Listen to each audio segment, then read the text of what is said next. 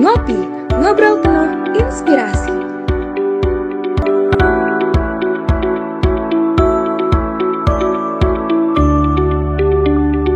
Nah, seperti biasa nih Sobat Ngulik, di malam minggu ini kita bakalan ngobrol bareng dan mengulik pembahasan yang menarik dan inspiratif tentunya. Dan di episode kali ini, Sobat Ngulik bakalan ditemenin bareng aku, Diana Eriza, dan rekan aku, Iya, Isi yang akan menemani Sobat Ngulik semuanya di Ngopi Podcast kali ini. Jadi begini, Sobat Ngulik, kali ini kita akan membahas tema yang gak kalah menarik dari tema-tema sebelumnya. Kita akan membahas mengenai bagaimana sih tips membuat CV buat para fresh graduate. Dan untuk itu, kita akan ditemani oleh narasumber kita yang keren abis, yaitu ada Bu Ines, yang saat ini menjadi HR Manager dan Strategic Business Partner di PT Coca-Cola Indonesia. Tanpa berlama-lama lagi, kita sapa yuk Bu Inesnya. Halo, Bu Ines, gimana nih kabarnya Bu? Hai, hai Sobat Mulik. Uh, selamat malam ya untuk Dea dan Mega. Terima kasih untuk mengundang saya di sini gitu ya. Mungkin sedikit aja uh, apa namanya update dari tadi apa yang sudah disampaikan uh, Dea ya. Saya uh, baru saja pindah, nggak uh, baru-baru amat sih, satu bulan ya. Uh, saya leave Coca-Cola, terus pindah ke uh, bank, Bank Mandiri Taspen ya, Mandiri uh, ya, itu um, sejak 2 Juni lalu ya saya sebagai kepala divisi untuk human capitalnya itu update-nya mungkin Oke, okay, um, Bu Ines sendiri kalau sekarang lagi di mana Bu? Aku di rumah sekarang ada di rumah di Bintaro. Ayo siapa yang rumahnya di sekitar Bintaro, sobat mulik? Siapa nih? yang lagi di Bintaro. Terus kalau sekarang kita mulai aja ya Bu wawancaranya. Ya. Uh, Pertama-tama boleh cerita lebih jauh nggak tentang Bu Ines kayak educational background, karir terdahulu sama kayak aktivitas saat ini. Mungkin kalau bisa spill personal life mungkin Bu. Boleh, oke. Okay. Ya, uh, jadi background saya itu uh, kalau educational background ya untuk profesi saya uh, agak unik ya menurut banyak orang gitu ya. Jadi um, S1 saya itu teknik penerbangan ya di ITB. Lalu S2-nya saya di Defense Management, manajemen pertahanan uh, itu di ITB juga. Gitu. Nah ini background pendidikan yang katanya nggak biasa untuk seorang HR profesional gitu. Tapi itulah gitu ya perjalanan membawa saya uh, ternyata ke dunia human resource ngurusin orang gitu ya dan uh, saya passionate banget gitu ya di di di area ini gitu. Jadi kira-kira sudah 18 tahun pengalaman profesional saya 15 eh, tahun di antaranya saya di uh, human resource gitu. Nah perusahaannya tempat saya bekerja itu berbeda-beda uh, industrinya gitu ya. Jadi dari ini perusahaan yang ketujuh nih ya untuk saya dan industrinya berbeda-beda. Saya pernah di distribusi farmasi, pernah di investment company, pernah di shipping, pernah di flavor and fragrance, nah uh, kemarin di uh, beverage ya, di uh, industri minuman gitu, dan di banking gitu. Nah banking ini sebenarnya dua kali saya. 10 tahun lalu saya pernah di banking gitu. Nah sekarang saya kembali lagi ke banking gitu. Ya kira-kira secara profesional uh, itu sedikit cerita saya ya. Kalau profesional, eh salah, sorry kalau secara personal, sobat ngulik ya, uh, saya menikah uh, ini tahun ke-6 ya, tahun ke-6 sama suami saya yang hobinya tuh banyak banget. Saya sampai pernah ngitung ya hobinya itu ada kira-kira 13 apa 16 gitu ya. Dan yang dia lakonin banget gitu, serius gitu ya. Tapi untuk saya menarik jadinya karena saya juga suka observe gitu ya orangnya. Jadi saya jadi banyak tahu juga jadinya eh, apa area-area hobi uh, suami saya itu yang saya nggak ini gitu. Tapi kami sama uh, dalam hobi fotografi gitu.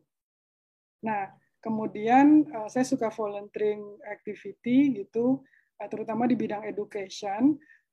Yang sekarang sedang dijalanin adalah saya sebagai co-founder dari uh, program namanya Merdeka. Ya. Ini mentoring uh, apa namanya inklusif mentoring seperti itu yang diberikan untuk adik-adik uh, yang usianya 18 sampai 24 tahun. Gratis loh ini gitu ya.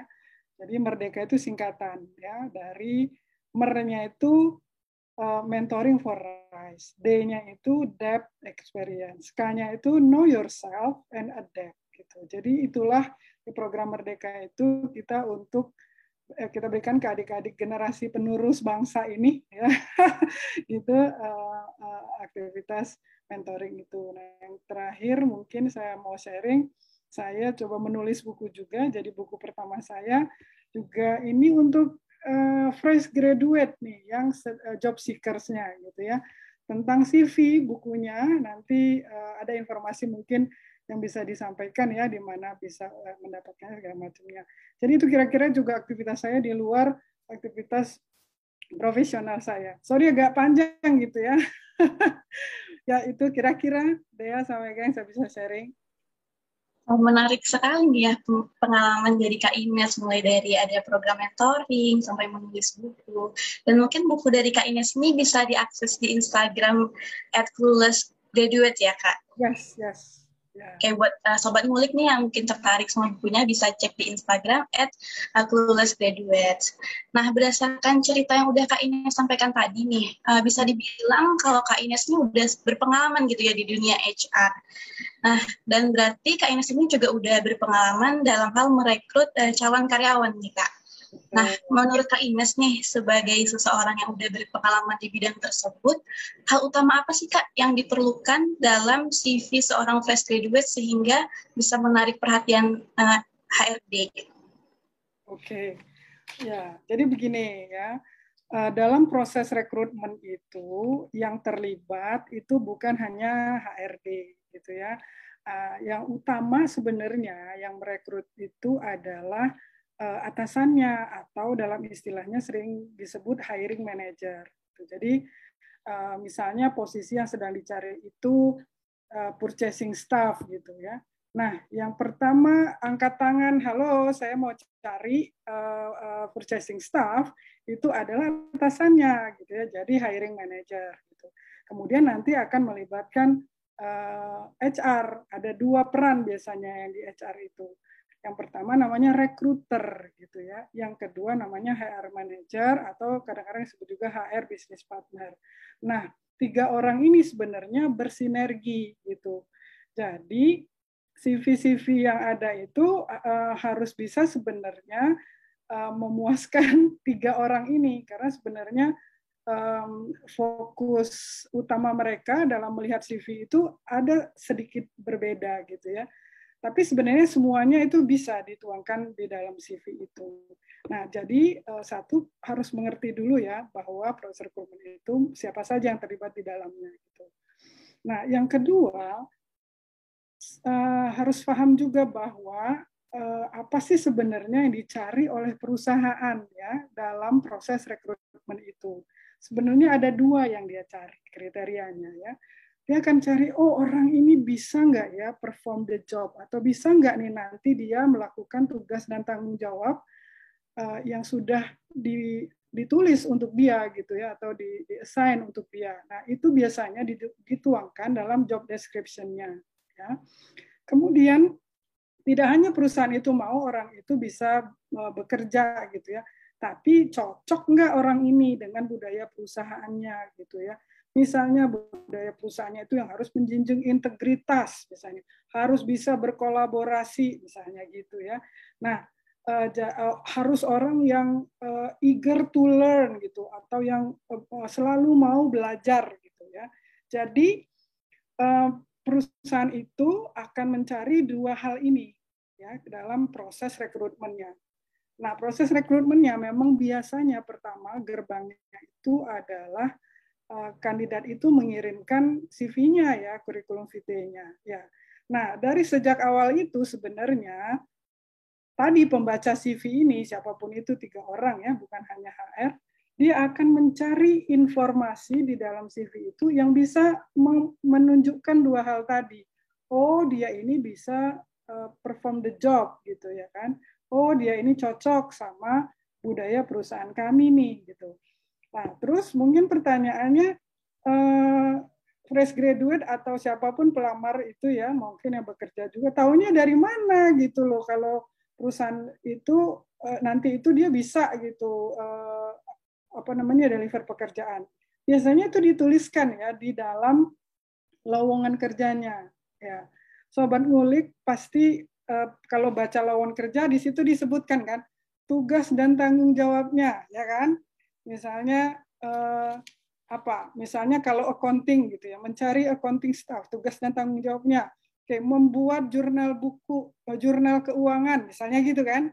Yang kedua, misalnya tugasnya adalah membuat report gitu, ya kan? Membuat voucher payment gitu misalnya. Lalu ditulis di situ eh, persyaratan menguasai uh, jurnal misalnya. Kedua, misalnya menguasai S apa namanya uh, program entah SAP, entah apa gitu ya kan. Uh, terus kemudian dia harus uh, apa misalnya teliti gitu ya kan? Dan dan lain-lain. Dia sebutkanlah di situ. Nah jadi CV itu harus mengandung itu tadi. Jadi kalau lagi dibaca misalnya oke okay, saya cari accounting. Di situ dia kelihatan nggak? Oke okay, dia bisa uh, dia mengambil uh, apa namanya ini modul soal accounting dan dia pernah membuat report. Oh ya nih udah pernah buat report nih gitu-gitu. Jadi itu sih intinya gimana sih supaya CV itu menarik yang membacanya ya uh, harus tergantung informasi-informasi yang dicari tadi oleh perusahaan itu. Mudah-mudahan menjawab ya. Berarti ya. kalau yang paling utama dari CV itu bergantung dari perusahaannya ya, kayak keinginan dari perusahaan itu gimana. Jadi kita menyesuaikan sesuai dengan perusahaan itu. Betul, betul sekali. Jadi uh, harus bukan ini loh saya ya uh, kamu harus percaya bahwa saya itu bisa gitu ya nggak bisa gitu kamu harus bisa nunjukin bahwa yang dia cari itu ada loh di situ gitu Oke, lanjut aja ya Bu pertanyaannya. Ya. Kalau kesalahan yang sering muncul di CV-CV anak fresh graduate itu biasanya gimana sih Bu? Kesalahan yang sering muncul? Ya, fresh graduate ya. Uh, sebenarnya juga kadang-kadang nggak fresh graduate aja uh, uh, banyak menurut saya yang uh, kesalahan ya kesalahan jadinya jatuhnya ya karena uh, yang dicari nggak ada di situ gitu ya kan tidak bisa memuaskan. Nah yang paling sering terjadi itu adalah CV-nya itu isinya list gitu. Uh, list aja tanpa ada uraian gitu. Jadi yang baca ini kan kamu bayangkan ya, saya itu kan nggak kenal kamu gitu ya. Uh, dia tulis misalnya pekerjaan apa posisinya intensif atau magang di perusahaan ini gitu. Dari tanggal sekian sampai tanggal sekian. Udah aja gitu. Kan saya bacanya ini ngerjain opo gitu ya kan. Nggak ada uraiannya gitu. Terus apa yang dia kerjakan itu hasilnya pie gitu. Hasilnya gimana sih gitu nggak ada juga gitu ya. Jadi itu yang sering kali list saja kemudian misalnya list juga awards gitu. Banyak dapat dia. Menang ini menang itu banyak ada 10 sekali. Tapi kita nggak punya idea ini tuh kompetisi apa sih gitu? Apa hebatnya ya kompetisi ini gitu ya? Skalanya seperti apa sih? Nggak ada informasinya. Jadi kita tahu dari mana bahwa dia ini misalnya, wah dia hebat ya ikut kompetisi ini, pesertanya itu dari 120 kota misalnya. Kan jadi wah dia ini terus dia menang misalnya, wah ini dia bagus nih berkompetisi gitu kan? Ya, kalau cuma nulis doang listnya, tadi yang kita ini apa yang dia kerjakan ya nggak tahu kita gitu ya. Nah jadi dielaborasi gitu, ada caranya gitu ya. uh, uh, sehingga memberikan clue. Kamu bayangkanlah bahwa kami tidak kenal sama kamu, kamu harus ngasih tahu lah, kasih clue gitu ya. Jadi itu yang sering kali uh, menyusahkan buat kami gitu. Jadi kalau ngelihat nggak dapat informasinya ya udah otomatis tuh masuk ke reject gitu ya. Nggak dilihat lagi gitu. Walaupun dia listnya ada sertifikatnya ada 20 gitu. Tapi kita nggak punya clue ini sertifikat tentang apa. Lebih baik tiga misalnya tapi dielaborasi sedikit gitu ya. Apa yang dipelajari misalnya begitu gitu gitu ya. Uh, ikut organisasi. Ya gitu juga harus diisi eh, harus dielaborasi gitu di, diterangkan lah diuraikan gitu. Kan dikerjakan kemudian hasilnya seperti apa gitu. Nah itu yang sering yaitu yang utama. Ada beberapa lagi yang lain tapi yang utama menurut saya itu please dielaborasi ya Oke, jadi gitu ya Sobat Muli, kita ke depannya mungkin harus lebih memperhatikan uh, CV kita harus lebih lengkap lagi deskripsinya, seperti yang disampaikan oleh Kak Ines tadi, bahwa uh, CV itu memang harus ya, lengkap ya Kak deskripsinya, tidak hanya poin-poin saja begitu. Nah mungkin bisa dicatat nih Sobat Mulik terkait kesalahan ini agar ke depannya CV kita itu bisa lebih maksimal lagi. Oke Kak Ines, uh, seperti yang kita tahu nih Kak, bahwa CV itu kan sangat penting ya Kak dalam proses seleksi, baik itu organisasi, beasiswa, magang, atau bahkan kerja gitu Kak. Nah sebenarnya perlu nggak sih Kak kita menyusun CV yang berbeda-beda sesuai dengan kebutuhan, atau sebenarnya itu ada satu panduan baku gitu yang bisa digunakan di berbagai kebutuhan gitu. Oke. Uh, tadi ya, uh, clue-nya kan saya bilang tadi bahwa yang dicari itu adalah informasi uh, uh, yang dibutuhkan oleh uh, perusahaannya gitu ya kan. Jadi of course yang namanya uh, itu perusahaan kan beda-beda, posisi beda-beda. Tentu saja CV-nya jadinya harus beda-beda ya kan. Nah saya saya mengkategorikan CV itu ada tiga ya.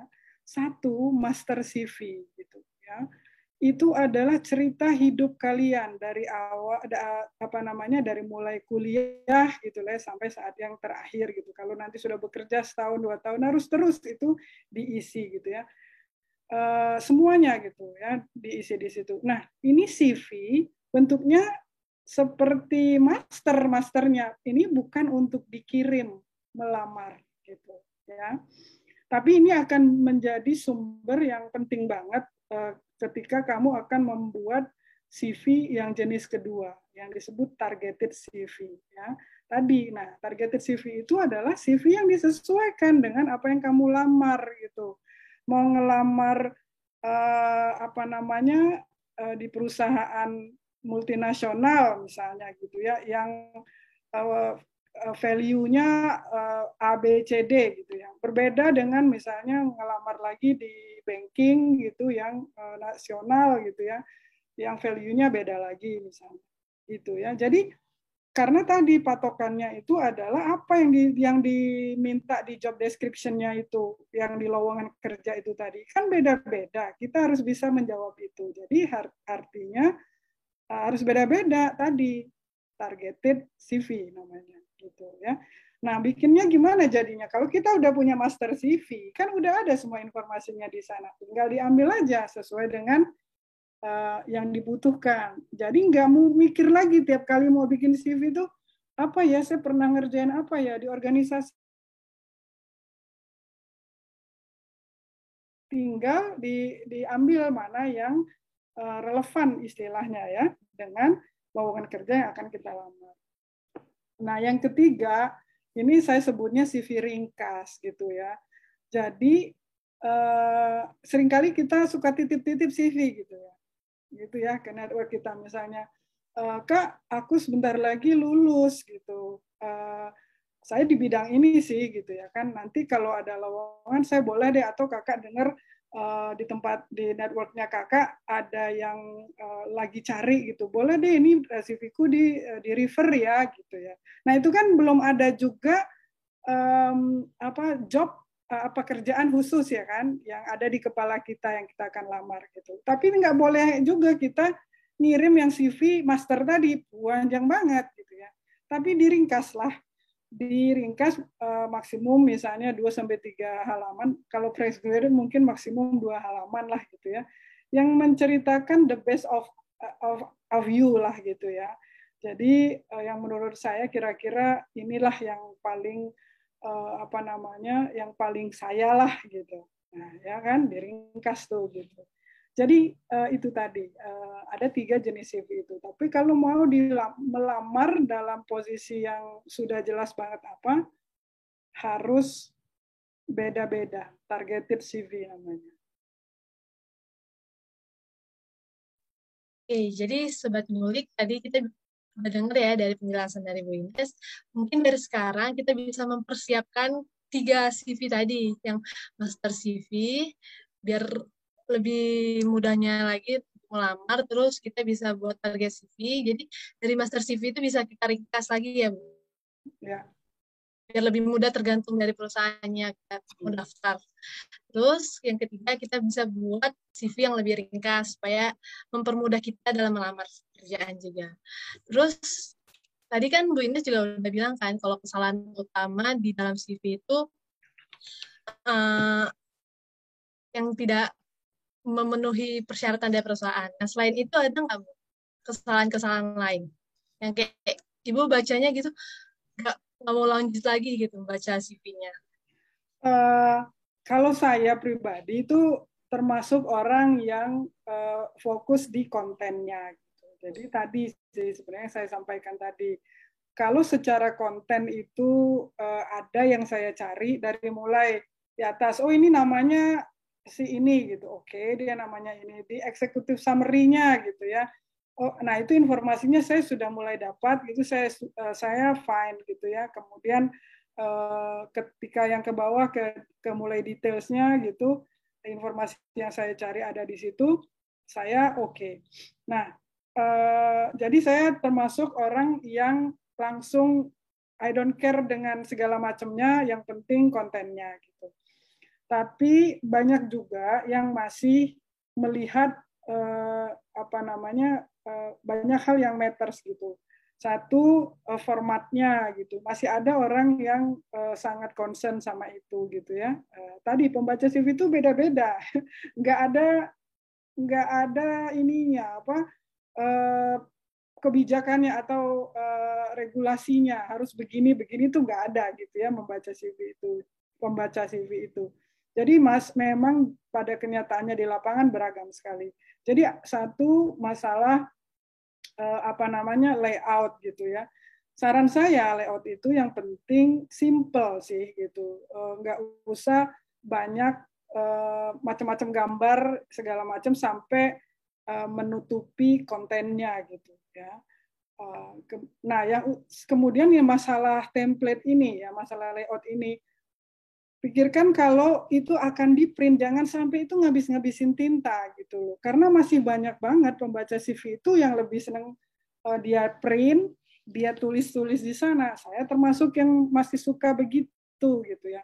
Jadi kalau kamu saya suka lihat tuh banyak template yang kayaknya dibuat dua blok kemudian ada warna hijau ngeblok gitu ya warna ini ngeblok gitu ya. Kamu bayangkan kalau itu di print itu akan menghabiskan banyak sekali tinta. Sebel banget saya gitu ya. Jadi pikirkan itu uh, masih banyak yang mau ngeprint. Jadi yang simple aja untuk saya uh, yang konvensional aja gitu. Nggak perlu dua blok misalnya ya yang uh, apa di, di, kemudian urutan waktunya dibuat baik gitu ya. Kronologikal istilahnya kronologikal itu baik. Jadi layout itu Eh, kalau untuk saya itu yang matters itu tadi jangan sampai ngeblok sehingga kalau di print itu uh, ngabisin tinta.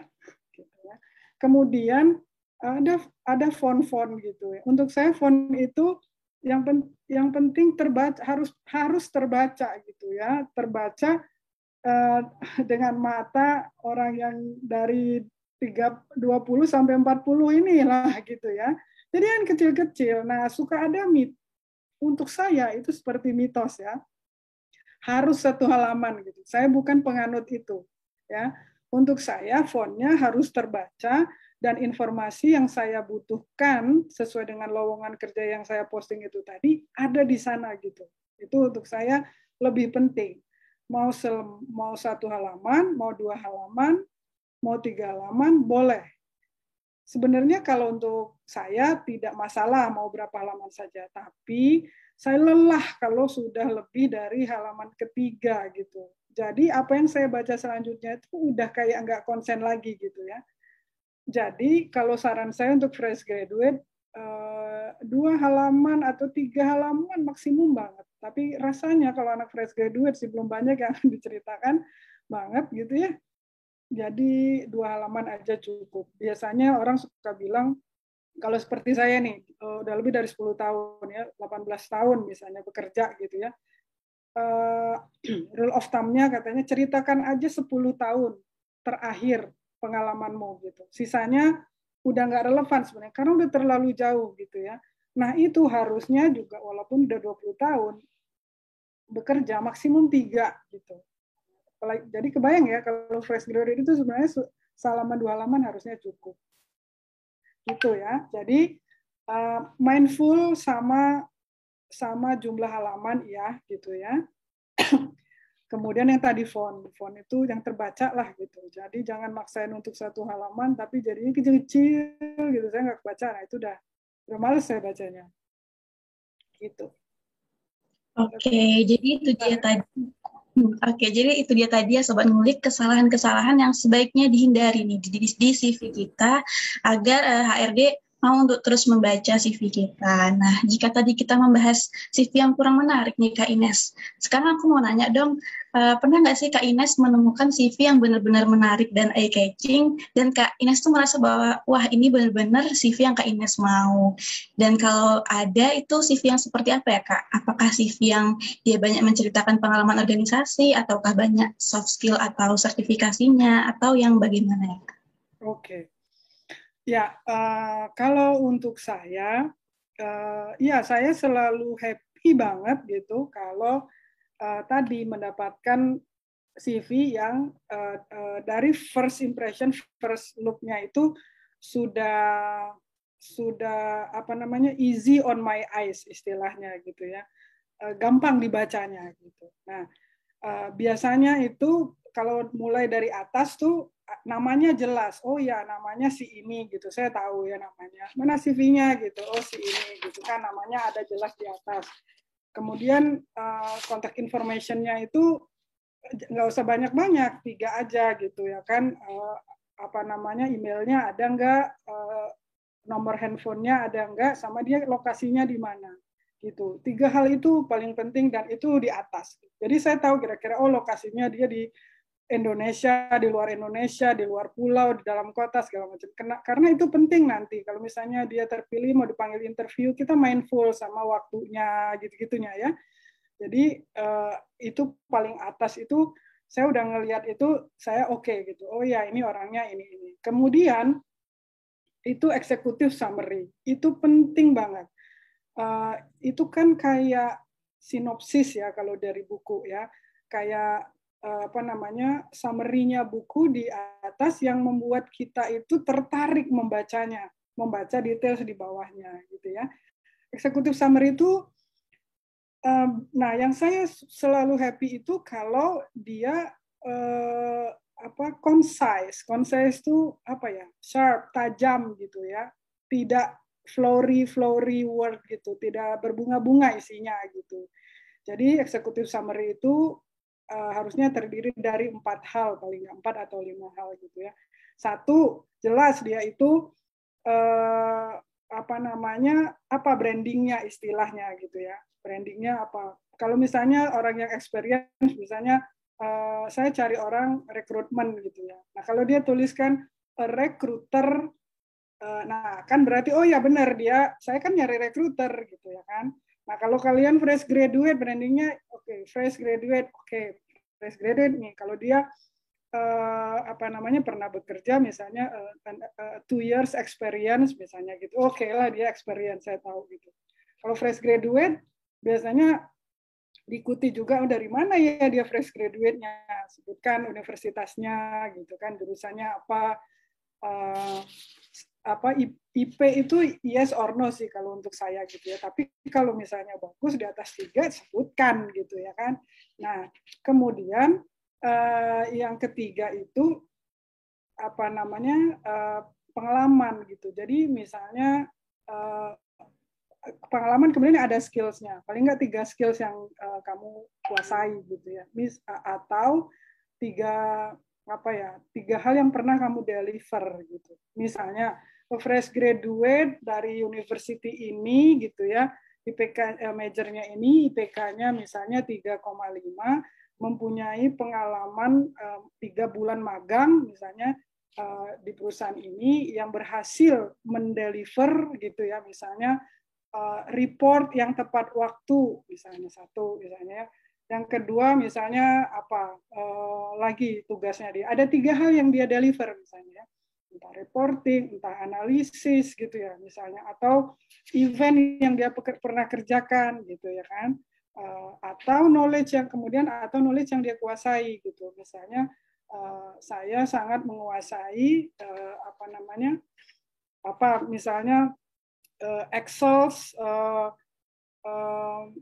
apa ya namanya pivot misalnya gitu ya atau apa gitu. Kemudian menguasai uh, software tertentu apa misalnya gitu ya. Yang ini tuh sebenarnya memang dicari nih sama perusahaan itu gitu. Nah gitu ya. Dari jari atas itu saya udah langsung tuh oke okay, ini dia pernah pernah deliver ini. Oh dia pernah juga tuh ngerjain ini. Nanti soalnya dia akan banyak tuh pakai Excel tuh. Good.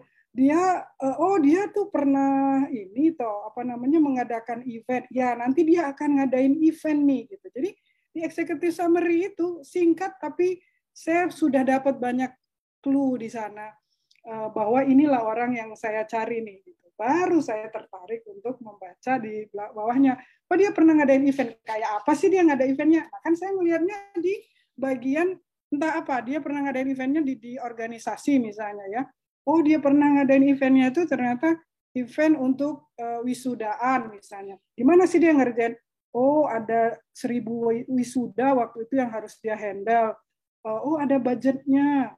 Oh ada ininya. Nah itu saya dapatnya kan di bagian organisasi detailsnya gitu. Ya. Nah jadi balik lagi informasi-informasi yang saya perlu itu yang akan membuat saya tuh wah ini nih ini nih. Ya ya ya benar benar benar gitu. Gitu. Kebayang nggak?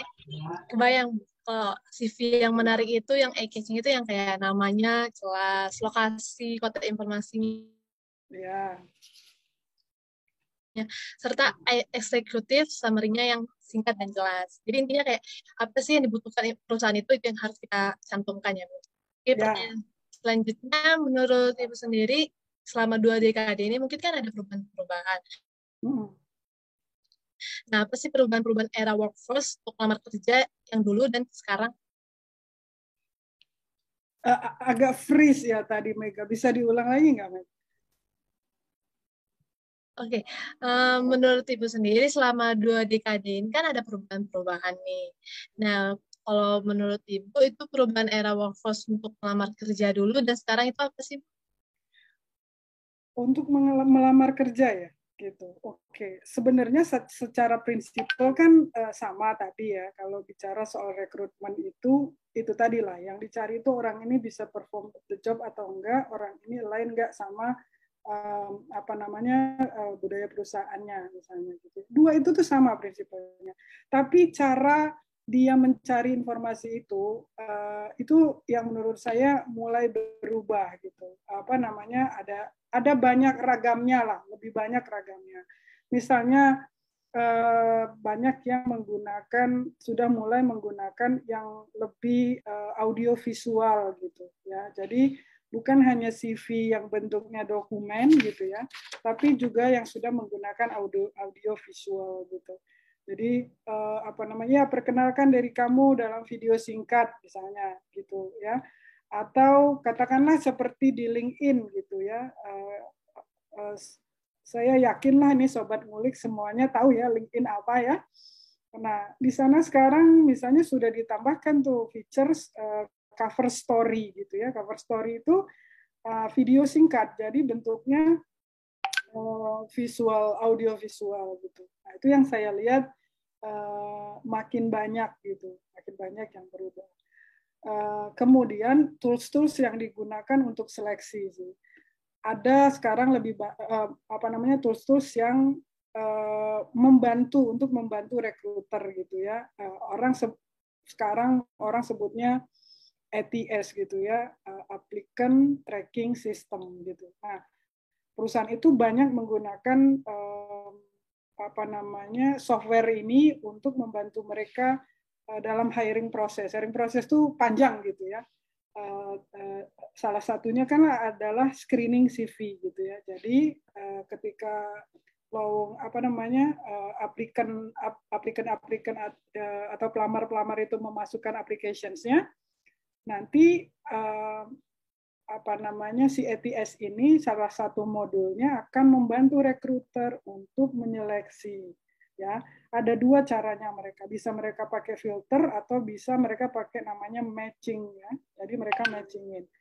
Jadi nah ini yang katanya sering kali meresahkan nih. Saya dengar nih fresh graduate selalu nanya ke saya tuh kalau ah ETS gimana kak? Nanti yang baca CV kita itu robot ya. Jadi kita harus gimana nih supaya terbaca gitu ya saya termasuk yang pengalaman menggunakan ETS dengan uh, yang modelnya di filter gitu. Itu sebenarnya kayak filternya di Excel gitu gitu ya. Kita filter dulu apa sih tadi requirement-nya? Oh, saya butuh orang yang fresh graduate, IPK-nya sekian. Itu kan bisa kita kasih kasih apa namanya? Kita bisa pilih lebih dari satu field ya kan. Oh, orangnya ini gitu-gitu. Nah, jadi cerek keluar tuh gitu ya kan. Nah, saya cuma akan melihat CV orang yang sudah terfilter itu gitu. CV-nya CV-nya tetap CV utuh gitu seperti CV ini gitu dibuka cekrek gitu PDF-nya dibuka set tetap aja saya baca gitu seperti yang tadi. Tapi um, saya terbantu karena sebenarnya ada survei yang mengatakan bahkan kira-kira 80% CV yang masuk itu tidak relevan gitu dengan uh, yang dicari gitu. Kamu bayangkan kalau nerima 1000 CV tapi 80 persennya itu sebenarnya uh, nggak qualified gitu ya kan. Ngabisin waktu banget. Nah, kalau pakai filter tadi, qualified itu apa sih? Yang sesuai dengan yang mau saya cari kan? Apa yang saya cari? Tadi requirement-nya. Oh, saya cari orang yang bisa uh, Excel pivot, orang yang proaktif, orang yang punya pengalaman ini, saya taruh aja filternya di situ, jebret, nanti keluar ya kan. Mungkin dari seribu yang keluar mungkin eh, dua ratus gitu. Kan lumayan ya lihatnya dua ratus daripada ini. Nah, gitu. Jadi eh, itu menurut saya yang trennya ke depan akan seperti itu. Artinya apa? Membuat CV itu sebenarnya tetap saja eh, kontennya itu sesuai dengan yang di cari yang terdapat di lowongan kerjanya. Jadi mindful banget sama kata-katanya juga. Pakai kata-kata yang umum. Ya. Jadi kalau misalnya ini ada ada satu kalau misalnya yang umum dipakai di pasaran itu namanya arsitek gitu. Pakailah kata arsitek. Jangan pakai orang yang membangun rumah misalnya gitu. Iya, dia nggak cari gitu ya kan. Jadi pakailah kata-kata yang umum di ini. Seringkali orang tulis misalnya people enthusiast gitu. Padahal dia carinya misalnya human resource gitu ya. Nanti dia kalau filter dia akan pakai kata-kata eh, apa namanya eh, human resource gitu. Ya kan? Jadi gitu-gitu. Jadi eh, perhatikan banget kata-katanya gitu ya kan nggak bisa sambil oh ya sambil santai-santai itu nggak kamu perlu riset gitu. Ada yang bahkan menyarankan kamu riset deh lowongan yang kamu mau cari itu. Ada 25 lowongan tentang posisi itu tuh kamu riset. Jadi kamu bisa tahu biasanya dipakai kata-kata yang umum tuh apa gitu. Jadi kamu punya clue gitu ya. Jadi uh, begitu sih saran saya uh, untuk fresh graduate yang mungkin sangat resah dengan ETS gitu ya. Gitu. Oke, berarti sebenarnya untuk perubahan dari konten itu uh, sama saja ya, cuma beda pada uh, teknisnya seperti udah ada uh, model yang audiovisual di LinkedIn maupun adanya software-software baru. Jadi buat sobat ngulik nih, ketika mau buat CV, lebih baik menggunakan kata-kata yang umum gitu ya Kak ini, supaya bisa tersaring oleh filternya. Nah, kalau untuk perubahan di masa pandemi ini sendiri Kak, apakah ada perubahan dalam hal menyeleksi kandidat? Karena kan seperti kita tahu uh, banyak sekali perubahan yang terjadi selama pandemi. Oke, ya um, sebenarnya kalau secara pandemi sih uh, yang sangat membedakan menurut saya adalah uh, orang itu harus bisa bekerja dalam lingkungan yang virtual gitu kan. Uh, jadi kalau saya nih kalau ngelihat eh, atau sebenarnya waktu interview gitu ya saya akan sangat gali gitu. Kamu pernah uh, dalam apa namanya bagaimana kamu bekerja dalam uh, masa dengan secara virtual gitu. Bagaimana kamu memanage pekerjaanmu secara virtual ini gitu. Coba ceritain bagaimana kamu menyelesaikan pekerjaanmu itu gitu. Karena kalau secara virtual sebenarnya sangat dituntut orang-orang yang Eh, penuh integritas gitu yang tidak harus diawasi tapi deliver gitu ya kan. Uh, orang yang bisa mandiri gitu yang nah kalau dia nggak ditanya bosnya dia nggak kerjain gitu ya. Nggak disuruh bosnya nggak disuruh dia nggak kerjain gitu ya. Nah itu question mark sih. Bisa nggak orang ini kerja? Karena nggak ada orang kan yang melihatin dia gitu. Ya jadi itu orang yang harus dengan integritas uh, apa namanya passionate untuk ngerjain kerjaannya, proaktif, independen gitu. Jadi ketika interview itu pasti eh, hal-hal uh, seperti itu yang akan banyak di, di, ditanya gitu ya.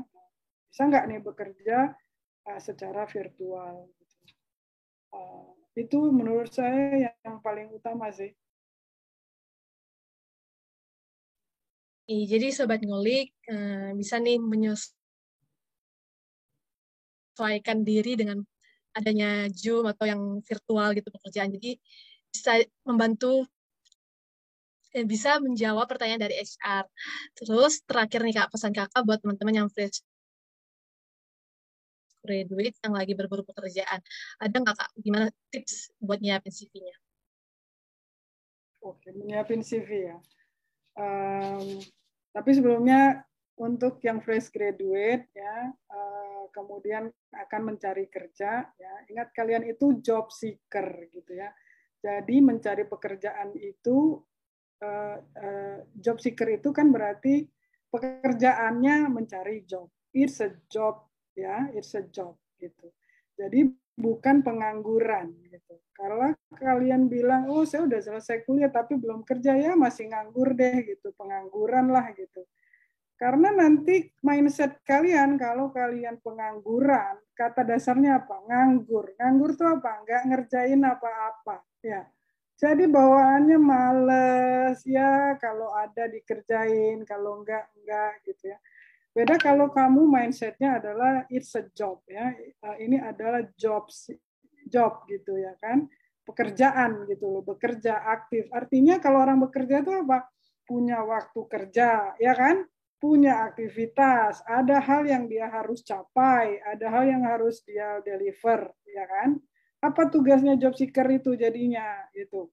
Ya mencari kerja, harus eh, pagi-pagi kayak orang kerja bangun, nyari lowongan kerjanya, baca tadi apa sih lowongan kerja ini yang diharapkan, yang dicari. Oh perusahaan ini cari ah perusahaan ini itu ke websitenya gitu kan. Oh ini uh, bisnisnya begini. Oh dia itu uh, culture-nya kayak gini gitu kan. Oh, saya punya nggak ya gitu. Ada saya punya apa gitu loh kalau culture-nya ini refleksi ke diri sendiri gitu kan. Banyak jadinya kan kerjaannya gitu ya. Dia dipahami sekali gitu lowongan kerja itu gitu-gitu ya kan. Terus gitu. Nah, kemudian tadi um, membuat CV ya kan jadinya buat CV serius gitu ya, research gitu dan bikin ketika sudah punya tadi master CV gitu ya kan, kemudian sudah uh, ada lowongan di depan mata tuh oh itu tuh yang mau saya lamar gitu ya syarat-syaratnya ini. Oke okay, saya bikin targeted CV gitu ya. Uh, jadi itu. Terus uh, tadi sebagai job seeker juga satu hal yang saya sarankan juga networking gitu ya ketemu sama orang berani untuk reach out gitu ke orang misalnya uh, ke profesional seperti saya gitu ya uh, udah bikin CV kak tolong liatin dong gitu. Ini CV-nya menurut kakak gimana gitu kan? Kasih feedback dong ya reach out gitu ya. Atau di LinkedIn uh, reach out juga gitu ya networking yang seperti itu. Kalaupun misalnya keluar ikut community gitu ya, atau ikut voluntary gitu-gitu juga uh, apa namanya untuk networking, cari tahu, cari banyak informasi atau belajar gitu-gitu ya. Jadi um, itu menurut saya uh, yang harus dilakukan sehingga kamu bikin CV-nya itu um, apa namanya bisa bisa sesuai banget sama apa yang dicari, sharp gitu ya, concise gitu. Gitu mungkin untuk saya. Uh, pesan-pesannya. Kalau ada yang, nah kalau ada yang masih uh, masih ingin tahu yang lebih detail tentang langkah-langkah membuat CV, bisa nanti ini fresh from the oven nih, bukunya ada baru nyampe ke rumah saya dari uh, publishernya gitu ya, uh, buku yang judulnya CV Hacks ya, Start from Your Story. Jadi boleh saya ceritain sedikit ya. Tentang buku ini ya sobat eh, ke sobat ngulik ya. Saya bikin buku ini kenapa? Karena pengalaman saya 6-7 tahun eh, belakangan itu membantu fresh graduate fresh graduate eh, yang kesulitan membuat CV gitu loh. Saya bingung gitu. Ini bukannya banyak ya di YouTube di mana gitu. Kenapa mereka tetap keep coming to me gitu ya kan? Ternyata memang mereka masih kesulitan. Misalnya gimana sih sih kan nulis achievement itu gitu. Saya nggak pernah punya menang lomba ini lomba itu. Nah itu ada ada misunderstanding soal achievement itu apa ternyata gitu. Udah dikasih tahu juga nulisnya gimana kak. Saya punya ini hobi dimasukin apa enggak gitu kan gitu-gitu. Nah itu saya bantu satu-satu. Makanya itu ya saya bilang pada clueless gini gitu ya kan. Jadi saya bantu satu-satu kemudian dari ya sekitar 5-6 tahun itu akhirnya saya menemukan oh mereka itu kesulitannya ini toh. Harus dibantu benar-benar step by stepnya gitu. Nggak bisa cuma ya kamu harus masukin achievement gimana cara masukinnya gitu ya. Nah itu harus dibantu satu uh, step by stepnya. Uh, nah itu yang kemudian saya pikir oh kayaknya mungkin ada lagi dari orang-orang yang saya bantu ini yang perlu juga gitu. Jadi akhirnya saya tulis buku itu gitu. Nah di buku itu uh, ada tiga langkah gitu yang saya bagikan gitu ya. Details banget di situ. Dari contoh-contoh nyata sebenarnya. Ada bentuk ada contoh CV-nya tuh dari apa namanya uh, before sama afternya gitu. Jadi bisa kelihatan bisa kelihatan gitu bedanya apa gitu ya. Uh, apa yang bisa diimprove dari CV-CV yang ada. Dan itu CV yang nyata. Uh, ya saya cuma modify untuk apa namanya uh, menghilangkan hal-hal yang bersifat konfidensial mungkin ya ininya datanya. Tapi uh, kontennya sebenarnya itu dari kejadian nyata. Dan mereka berhasil dipanggil interview gitu ya. Semua semuanya sekarang bekerja gitu ya mereka. Jadi itu uh, soal buku itu kalau masih masih uh, ngerasa aduh saya masih perlu nih gitu. Gimana sih kak bikinnya step by stepnya? Ada di buku itu. Jadi mudah-mudahan membantu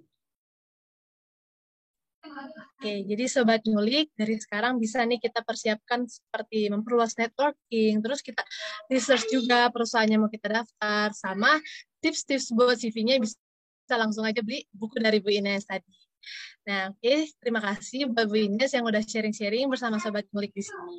Semoga sharing-sharingnya bermanfaat ya buat Sobat Ngulik. Nah, gimana nih Sobat Ngulik? Narasumber kita keren banget kan? Sobat Gulik bisa nih komen siapa narasumber yang akan kita datangkan di episode selanjutnya. Dan jangan lupa juga buat subscribe dan like video ini dan share video ini untuk mendengarkan episode-episode Kopi Petis yang lainnya. Oke deh, Sobat Gulik, saya Megawati bersama rekan saya Dia Nur Eliza, pamit undur diri. Buat Sobat Ngulik, jangan lupa untuk terus tonton episode Ngopi Podcast setiap malam minggu. Dan buat Sobat Ngulik nih yang mungkin mau tertarik buat belajar CV lebih dalam dan lebih detail lagi, jangan lupa dibeli buku yang ditulis langsung oleh narasumber kita malam ini, yaitu Kak Kak Ines. Dan untuk info lebih lanjutnya bisa cek aja di Instagram at cluelessgraduate atau mungkin nanti linksnya bakalan ditulis di description box. Oke, mungkin sekian dulu podcast kita pada malam hari ini. See you. See you, Sobat Ngulik. Terima kasih untuk Sobat Ngulik yang udah ngedengerin Ngopi Podcast kali ini. Dan jangan lupa untuk tetap stay tune di Ngobrol Penuh Inspirasi selanjutnya. Bye-bye!